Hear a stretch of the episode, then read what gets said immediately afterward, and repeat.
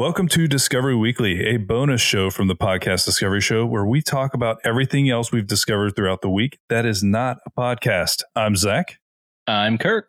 And I'm Matt.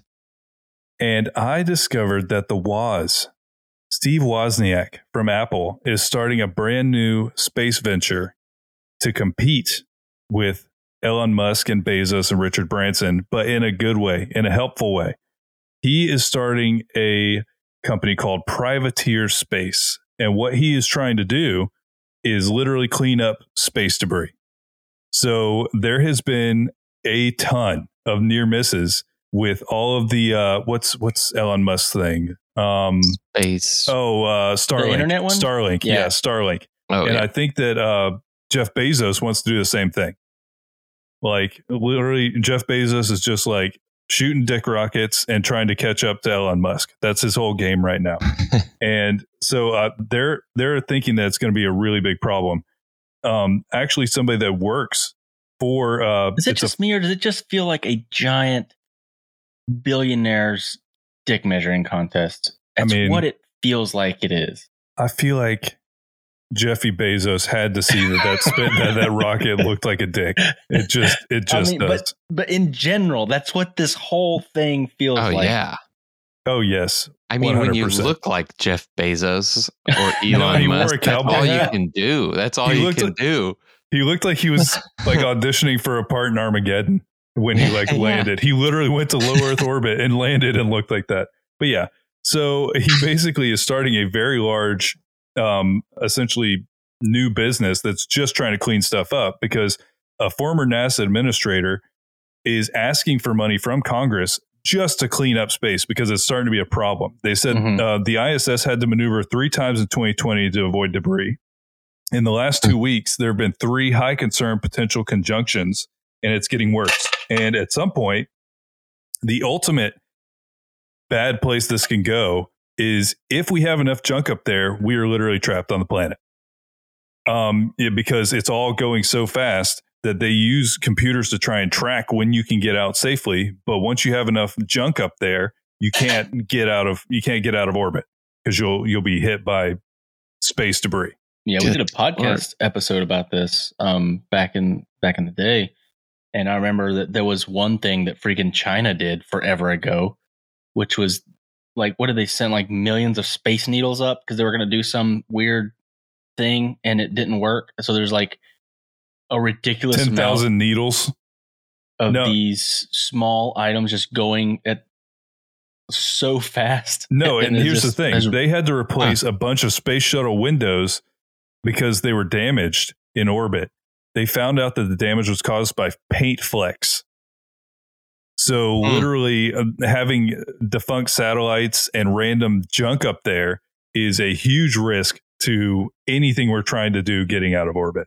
So I That's just thought it was. I just thought it was interesting that Wozniak was doing something different than trying to make some stupid rocket that goes in low Earth orbit so how far is he into this? Uh, He's not very far. Just Uh, started? yeah, he's he basically announced it, but they haven't started like building their thing yet. It's like drawn on a napkin. yeah, at this point, drawn on an iPad. Well, I haven't brought a Disney Discovery in forever because I don't have Disney passes anymore because they didn't exist during COVID. And I do miss going to Disney and taking my kids and just kind of loo- looking at all the details. But there's something that I saw in an article last week that stuck out to me. And I thought about it. And I was like, you know what? That's true. And the question was Have you ever noticed how there's no mosquitoes at Disney? And we live in the middle of Florida, and there are so many mosquitoes. There's mosquitoes everywhere. And Disney World, like all of the parks, are in the middle of a swamp, like in the middle of a swamp. The whole like lagoon that you have to cross to get to Disney is a giant retention pond so that the stinking park doesn't flood Mhm. which it still does during crazy rain. But it was just a crazy question that I'd never really thought about. And I was like, there's got to be some stuff behind that. So I found this article uh, from from Reader's Digest that talks about the the way that they've gone about keeping Walt Disney World mosquito free. Hmm.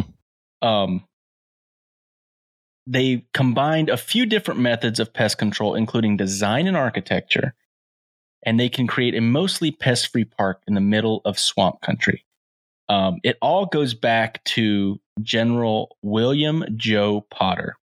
And it's funny because I know that name and they even mention it because the one of the ferry boats that takes you to the park is called the General Joe Potter um, because they named it after him.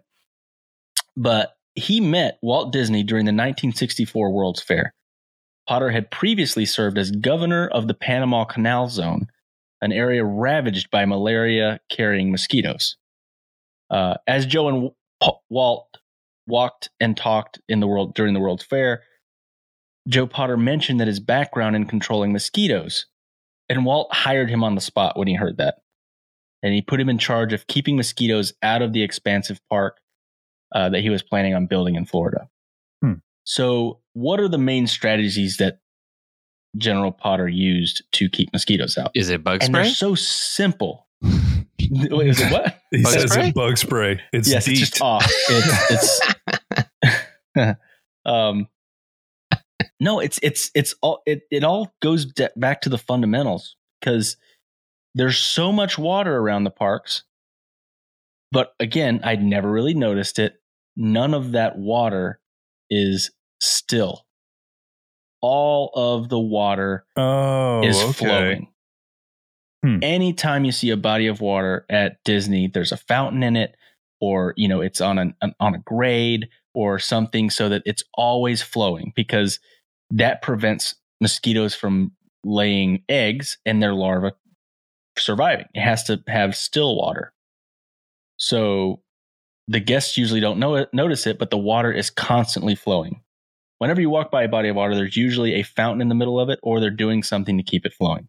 So that's the first strategy: just keep the eggs from ever being laid uh, anywhere near the park. But also, the architecture helps keep mosquitoes out. Uh, there's a quote: "It says all the buildings are built so that water flows right off of them. Uh, with all the rainstorms, if water gets caught on the buildings, it would form a pool, and then mosquitoes would hatch their eggs, and they'd have thousands of mosquitoes. So Disney World buildings have a certain shape that doesn't allow water to collect. It's something that guests never notice, but it's very effective. They've built every building there curved or designed in a way so there'd be no place for the water to catch and sit still. The architecture is really appealing to the eye, but it also serves a purpose. It makes it less conducive for mosquitoes. Also, they are very cognitive about what plants they put in the water. They don't let any like lilies or water lilies or anything like that because again, it will help water to stay still. So there's no lilies or anything, and they also have uh, special minnows and goldfish and a other type of fish called the mosquito fish that eat larvae. So what? if they ever lay any eggs that would hatch, they've got all of those ponds stocked with mosquito larvae eating fish, which is again genius. And it's it's simple, uh, but it's genius. And last but not least, and here you go, Matt.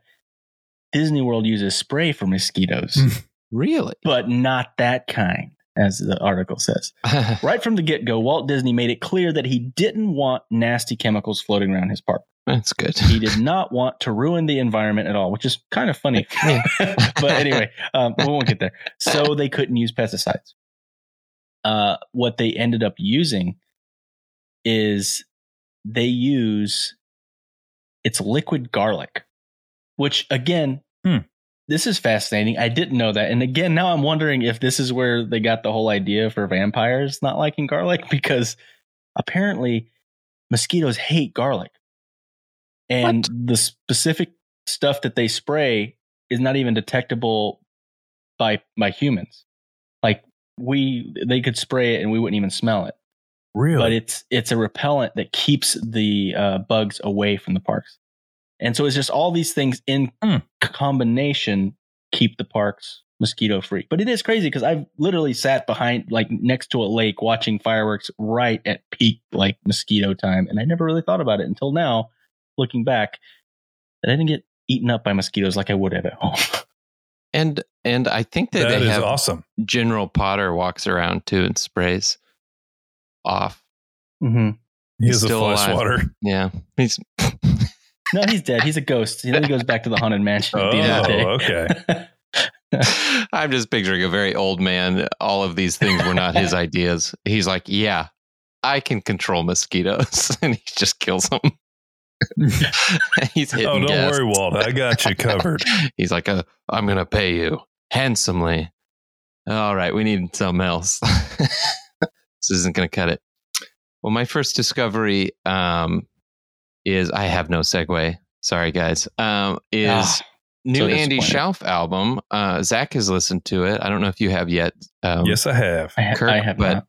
it is an interesting album. Um, I don't know exactly how I feel about it, but I haven't listened to it a whole lot yet. But I love Andy Shauf, and a single from this came out recently called "Spanish on the Beach," and it was.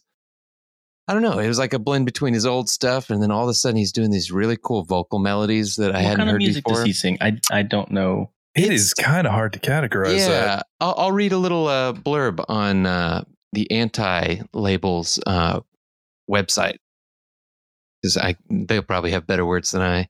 Um, Canadian musician Andy Shauf penned songs that explore universal truths through picaresque vignettes from the colorful people watching observations of 2016's The Party, great album, to the tale of failed relationship explained over one night at a local watering hole on last year's The Neon Skyline.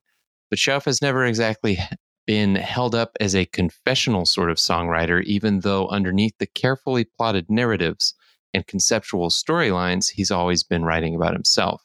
Wilds might change that.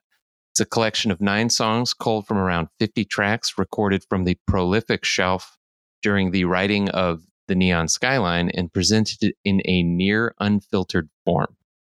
The unstudied rawness of the songs on Wilds is a revealing look at Shauf's mindset during the time he was writing Skyline, what he calls a glimpse into the window of how chaotic things were, as well as a peek into the creative process behind a proper Andy Shauf studio album, a snapshot of how the multi instrumentalist first begins right, building his songs into more ornately arranged final products.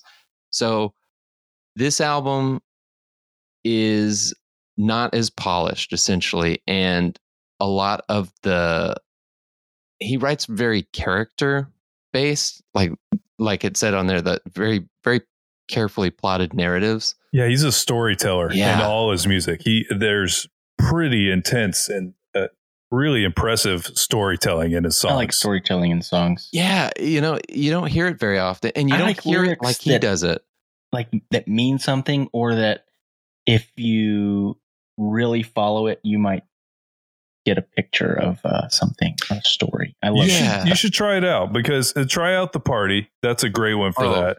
And then if if you want something like a little more like heat motion on it, you can do like Foxwarren because then he still Yes. is like writing songs, but it's got more like rock elements to it. hmm Yeah, I, he, he's just very prolific. The Bearer of Bad News is a really good one too. That's his, not his first one, but maybe third or second. Um, it's just it's really good. Like one of the one of the lyrics on um, I, on one of the tracks was like, uh, if he won, if he wins the the uh, jackpot in the lottery for the Wednesday night, someone's asking him like, "What'll you do?" And he's like, "Well, I'd probably buy it for the Thursday night." And it's just such a good um, lyric. I, I can't quote it exactly because I haven't listened to it all the way, but um, like really, it, they're just fun, funny, and like really engaging storylines. And it's cool to hear one of the characters he talked about in the Neon Skyline in a lot of the songs of this album, which I guess is what it's talking about. This is just kind of the unpolished version of the way things were in the in the previous album. It's really really cool. I love his work. Definitely dive in. Um, but yeah, I, I've been enjoying that. It's, uh, You have to give it a listen. yeah, yeah, big fan. Well, speaking of enjoying things, here's something that people aren't enjoying in in Ar- Argentina. there is a swarm of capybaras that have Oh, taken yes. over a rich town. So there is, and first of all, capybaras are known as carpinchos in in Argentina, Carpinchos. and I like it a lot. That's Mhm. it's that's a fun word to say. But there is a gated community called Nordelta, and it's apparently a very rich community. It's about forty thousand people. It's a huge, huge swath of land, and they have been overrun by capybaras and there is lots of them. And there is a rule. I think the government literally said you cannot interfere with or hurt these capybaras at all because apparently they were here for a long time before they built this community. And so because they built the community, they were pushed out essentially because this was built in the late 90s and it was apparently it was built on top of a an ecologically important wetlands. There's a They're lot taking of it back. They're yes, taking it back. they 100% are. And the there's revolt. there's a lot of stuff happening in this eh, like situation because the people around this area, Nordelta, are saying that okay, first of all, they get flooded because essentially kind of like what you were talking about, where they they paved over wetlands. And so now when the water comes, it goes to all the poor people around them. So they aren't really upset that the capybaras are in there, Mm. but the people inside this community are very upset because the capybaras are biting dogs. They are eating their lawns and destroying their flower beds. They're causing traffic accidents, and they apparently have been pooping enough that that itself is an issue. and so there's this whole thing going on. And apparently, there was one kind of quote that I saw in all these articles about it where people were, they knew they can't hurt them, but I guess they were threatening them with a gun. So I don't know if they thought the capybara was going to like understand what the gun was, but apparently they're pointing, they're like pointing the gun at it and the capybara is just like chilling. But there's amazing pictures of just like people going on walks and there's just like a bunch of capybara like laying around. And so it's this whole thing. But then as you kind of dig into it there's a lot of like culture stuff happening here so essentially they took this really nice area that was a very nice like preserve they There's built all these YouTube videos. Of the capybaras. Yeah, no, Yeah. this became a whole thing. Um, but yeah, they basically they have about 400 of them that apparently are in this community now. 400 of the capybaras, and but the experts experts think that at the current rate, the population could eventually reach around 3,000. So they're and right now there's not any plans to like get them out of there because that's their it's their it's where they live and they just have taken over taken back over Yeah, So- here's an article that says there's a capybara revolution happening in Argentina. Yes. but I, the thing that I love about them is is I've seen pictures of it is capybaras look so uninterested in They do. everything. They look are like bored at anybody. I love the idea Yeah. of someone They threatening look them like and they're like giant hamsters, but with like a stink face. yeah, they're like, Yeah. Like whatever, said, man. Just like a Mhm. hmm. But yeah, it's basically kind of it ends up being this rich community versus everyone. And then there's all these all these people that are outside just love it. They just think it's hilarious. All these people that are getting flooding now because they built over the wetlands are just laughing and they feel like the capybaras are like defending them in a way, getting getting vengeance. and so it's it's become this whole like crazy and I can't even begin to understand the uh like kind of the dynamic between the peoples there and everything. But it, it's funny because so here's somebody who basically they reached out to a biologist and conservation director at the Rewilding Argentina Foundation. His name is Sebastian Di Martino. Martino. And he basically said Nordelta is an exceptionally rich wetland that should never have been touched. Now that the damage has been done, the residents need to reach a certain level of coexistence with the carpinchos. Mm-hmm. So basically, like you guys just need to, you got to just live with them now. These are your new, these are your new friends. I hope you Oh, enjoy it. man. Sorry, I got sidetracked watching videos of people feeding them and making them drink out of straws and stuff. That's really so funny. I think they are notoriously chill. Like they will They're- just like they're really lay by. cute, too. They're kind of like, especially the little babies. They're just like tiny little. uh Oh, they just look like But yeah, they end really up being. They can be like four animals. feet long and weigh like 170 pounds. It's It's- it's a it's a big animal. Is that is that the world's largest rodent or whatever? Yes. Is that yeah, yeah. Yes, 100. percent It basically looks like a giant guinea pig. like yeah, a gigantic one. It's like a guinea pig the size of a wild hog. It's an ROUS. rodent of unusual size. For those that don't know, huh? I, I didn't know that. You haven't Oh, seen yeah. Princess Bride? Princess Bride, It's inconceivable. been- I think I saw it once. Sorry, I know funny. that's one of your favorite movies. I, I I don't. do love I, I don't have a lot of history with that one. Love it. Wow. So, uh, I got to bring up a new locate. What? What was that? Nothing. I me, and, saw me and. Matt were both giving you stink faces while you're when you're like, oh, I don't really care about That's right. Princess He has Bride. the live stream pulled up, so it's delayed. Gosh, jeez, felt that one. Um, so in our weekly Atlas Obscura, uh, I have a new interesting area to talk about, and this time we're going to go down under to South Australia, Oh, um, to this place called Coober Pedy. It's a mining town in South Australia which calls itself the opal mining capital of the world. The town's name comes from Aboriginal term for boy's water hole. But the joke is that it actually means white man in a hole, what? What? um, which is pretty good for a mining town. It's kind of funny. Um, as a result of the intense heat, a number of miners living in the town, because it's a big mining town, so they would mine and, you know, that's what they would make a living on. But as a result of the heat, because it gets really hot there, a number of the miners living in town have chosen to live underground, either in the beginning of the old mines or in purpose dug underground houses.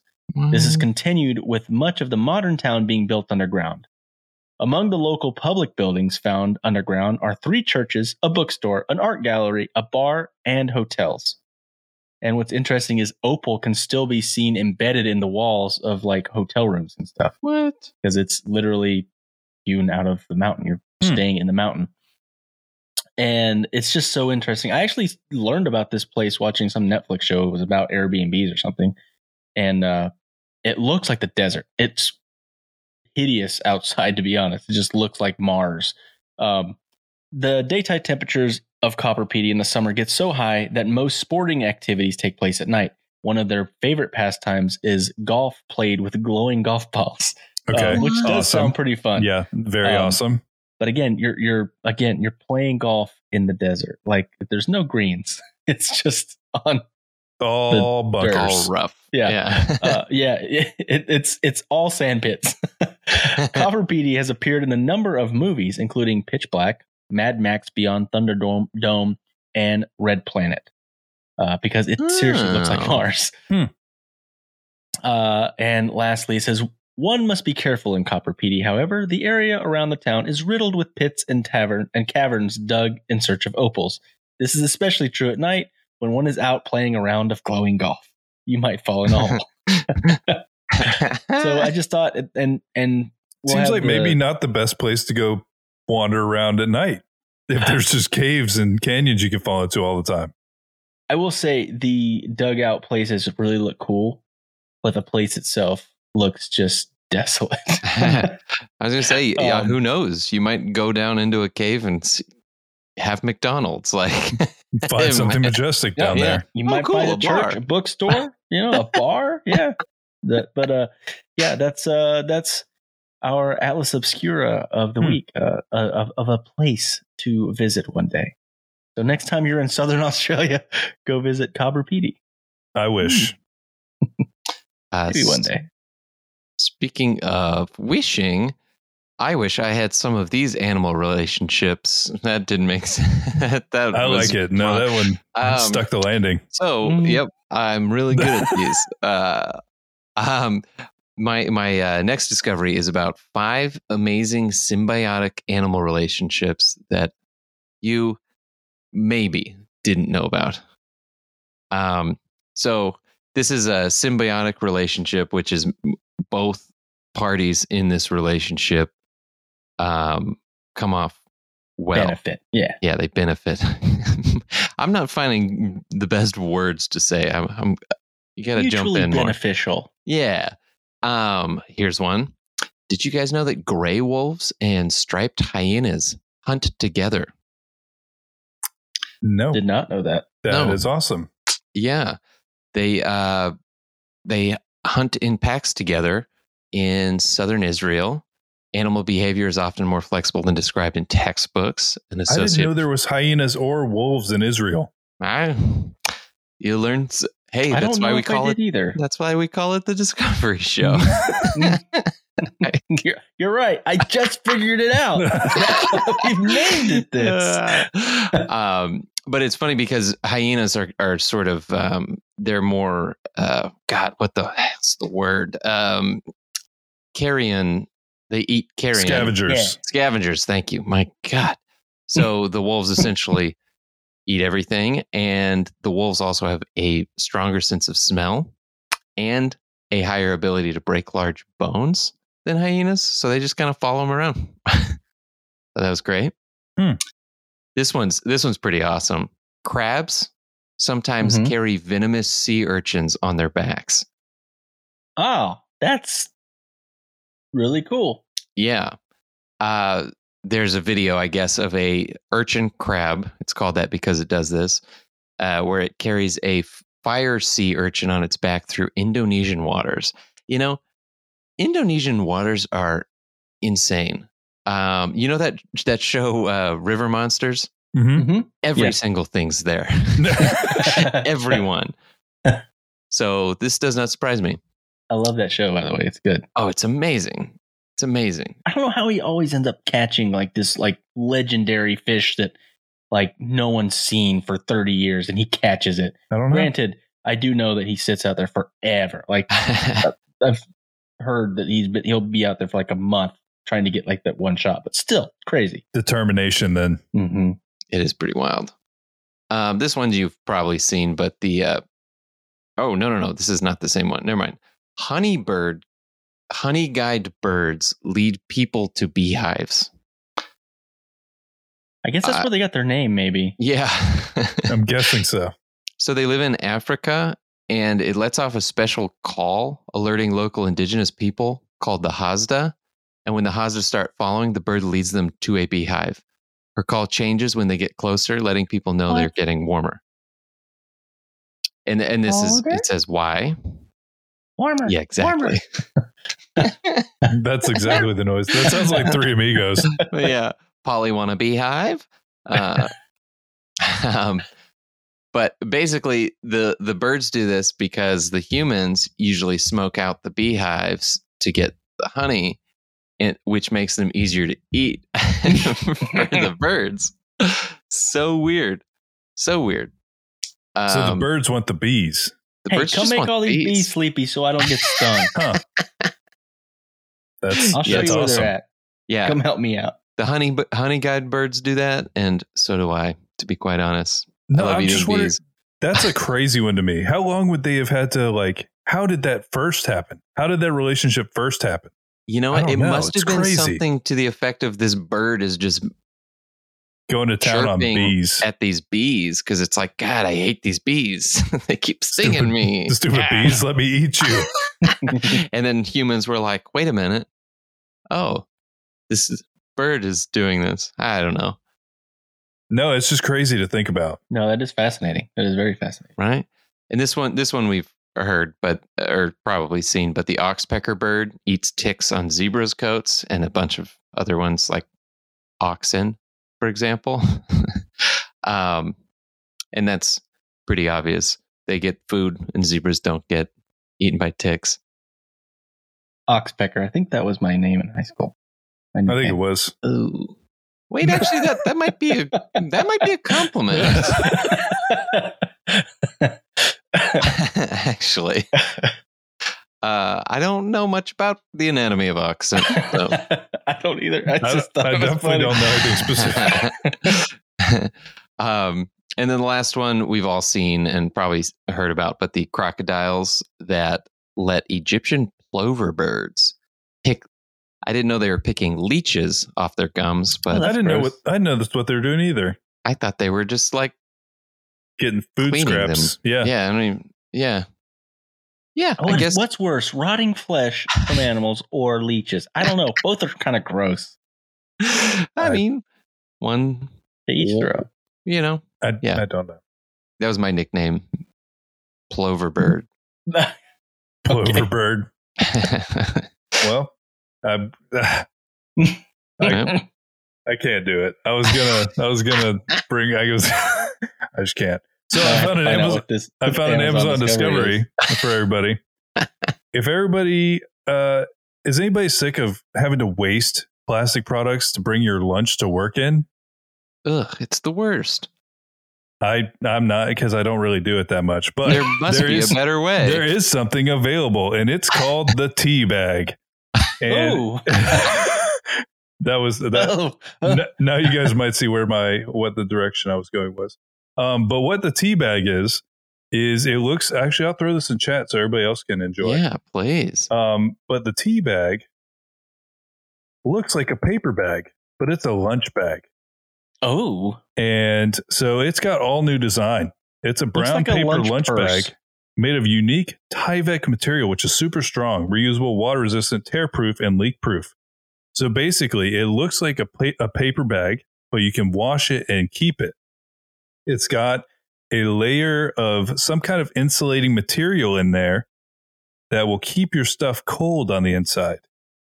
It is very roomy, lightweight, and safe.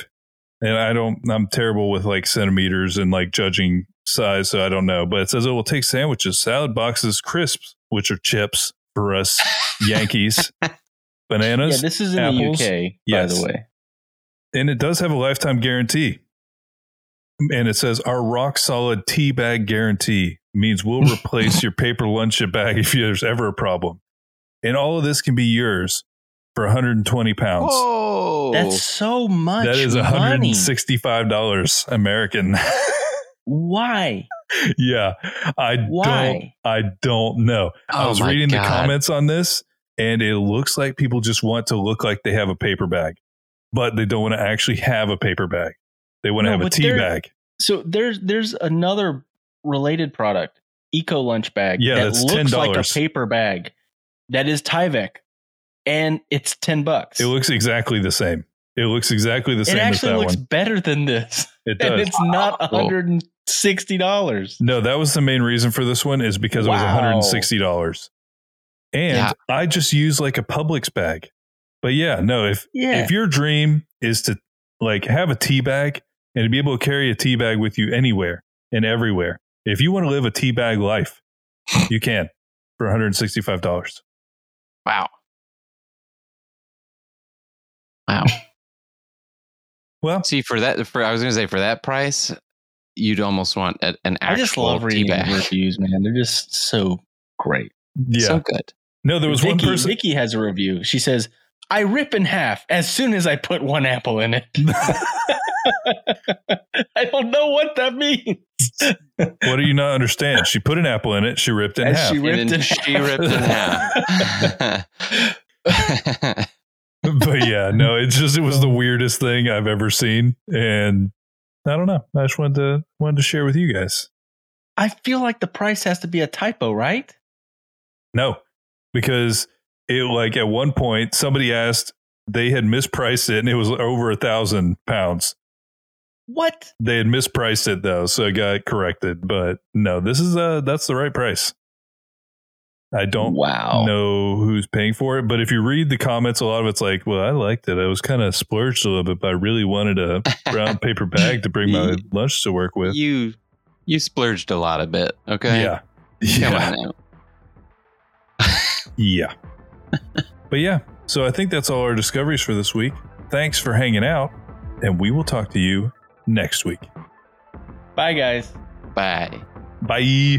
Oh, huh? This rec- uh, this this review says uh, at the end it says also this is the reason why I like it. Also because it has a metallic plastic foil lining. You can wear it on your head to stop the government from reading your thoughts. I Highly hope- recommend. I, But I put in apple and I ripped in half. I, no, I have a, an extra for you. Got this for my son for school arrived the next day. Total waste of money. It does not keep the food hot. Just wasted my time and money. So keep that in mind if you want to get a tea bag. Mm. Such a waste of money. oh man.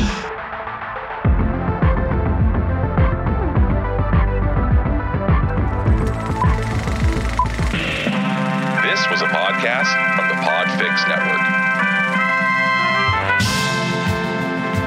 Check out more shows like it at podfixnetwork.com.